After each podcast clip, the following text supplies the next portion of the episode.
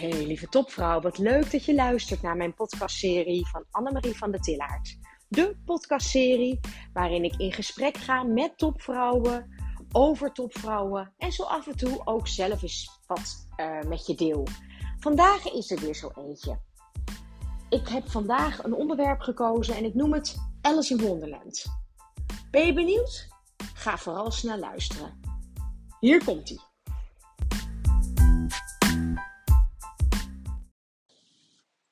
Hey, lieve, lieve topvrouw. Op deze ontzettend druilerige dag ben ik net door mijn hond mijn uh, knusse woning uitgesleept. Uh, want ze moest toch echt weer even naar buiten.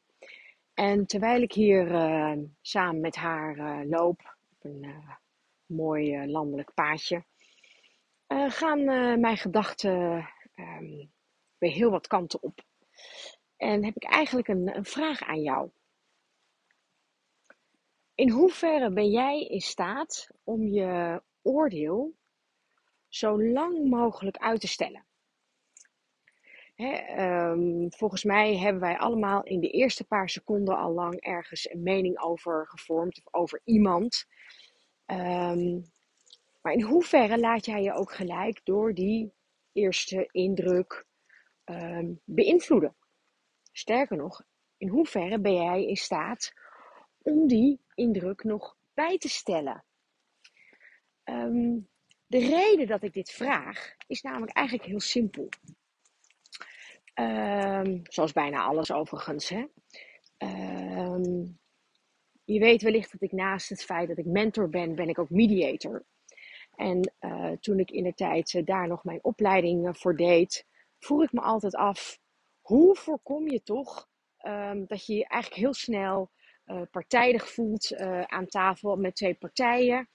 Uh, en hoe zorg je ervoor dat je juist de onafhankelijke in het gesprek blijft?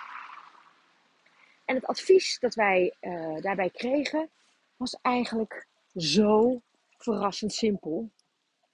Blijf zo lang mogelijk nieuwsgierig naar de redenen waarom mensen dingen doen. En uh, dat is misschien ook wel gelijk even mijn advies aan jou vandaag. Um, wat bedoel ik hier nou eigenlijk mee te zeggen? Um, we zijn heel snel en, en gemakkelijk in het oordelen uh, en, het, en het vormen van meningen over nou ja, allerhande situaties.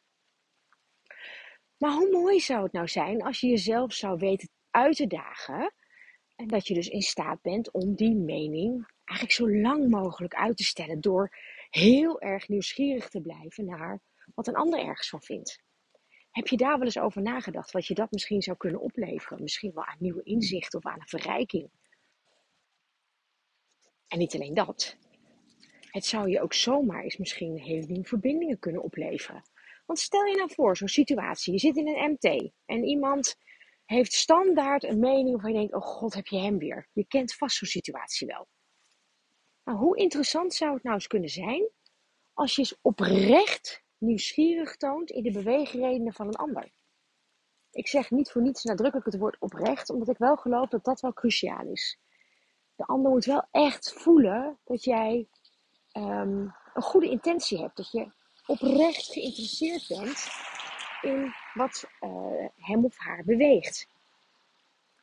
Want weet je wat nou zo mooi is? Daar zou zomaar eens iets uit kunnen komen wat voor jou weer een heel ander perspectief geeft. Nou ja, dat zou je wellicht wel weer kunnen motiveren of inspireren om anders over situaties na te denken. En dus misschien wel een enorme verruiming voor je te kunnen betekenen. Dus wat ik je eigenlijk ja, vandaag gewoon zou willen meegeven is: probeer eens om je mening uit te stellen. En probeer zo lang mogelijk nieuwsgierig te blijven. Ik sprak eerder deze week een van mijn topvrouwen en ze had een hele vervelende case bij de hand. Uh, ze was uh, uitgedaagd om uh, een behoorlijk stuk verantwoordelijkheid bij haar rol te pakken. En ehm, ze zouden nog wel praten over hoe ze dat dan met haar zouden compenseren, werd haar verteld.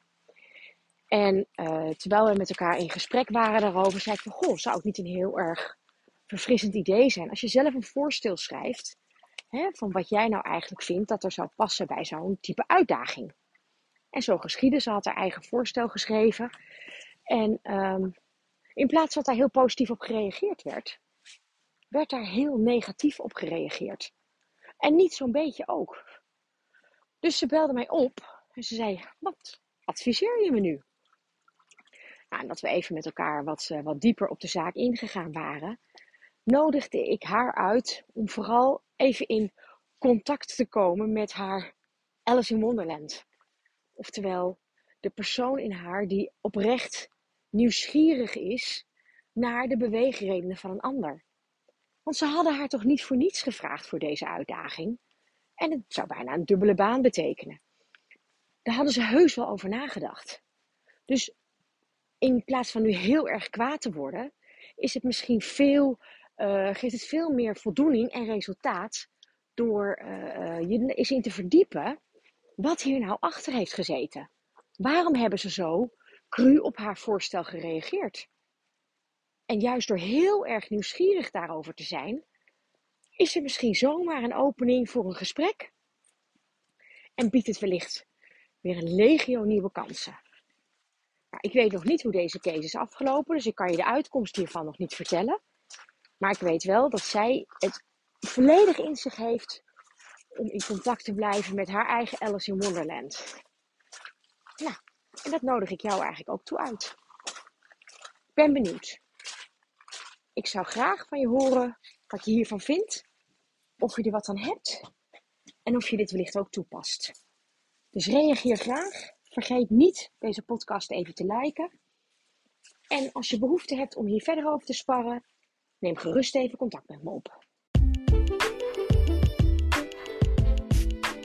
Heb je na het luisteren van deze podcast zin om met mij eens in gesprek te gaan over misschien wel jouw eigen Alice in Wonderland ervaring?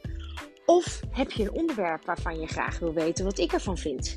Nou, stuur me dan gerust even een berichtje. En als je interesse hebt in het programma, kijk dan even op mijn website www.annemarievandentillart.com.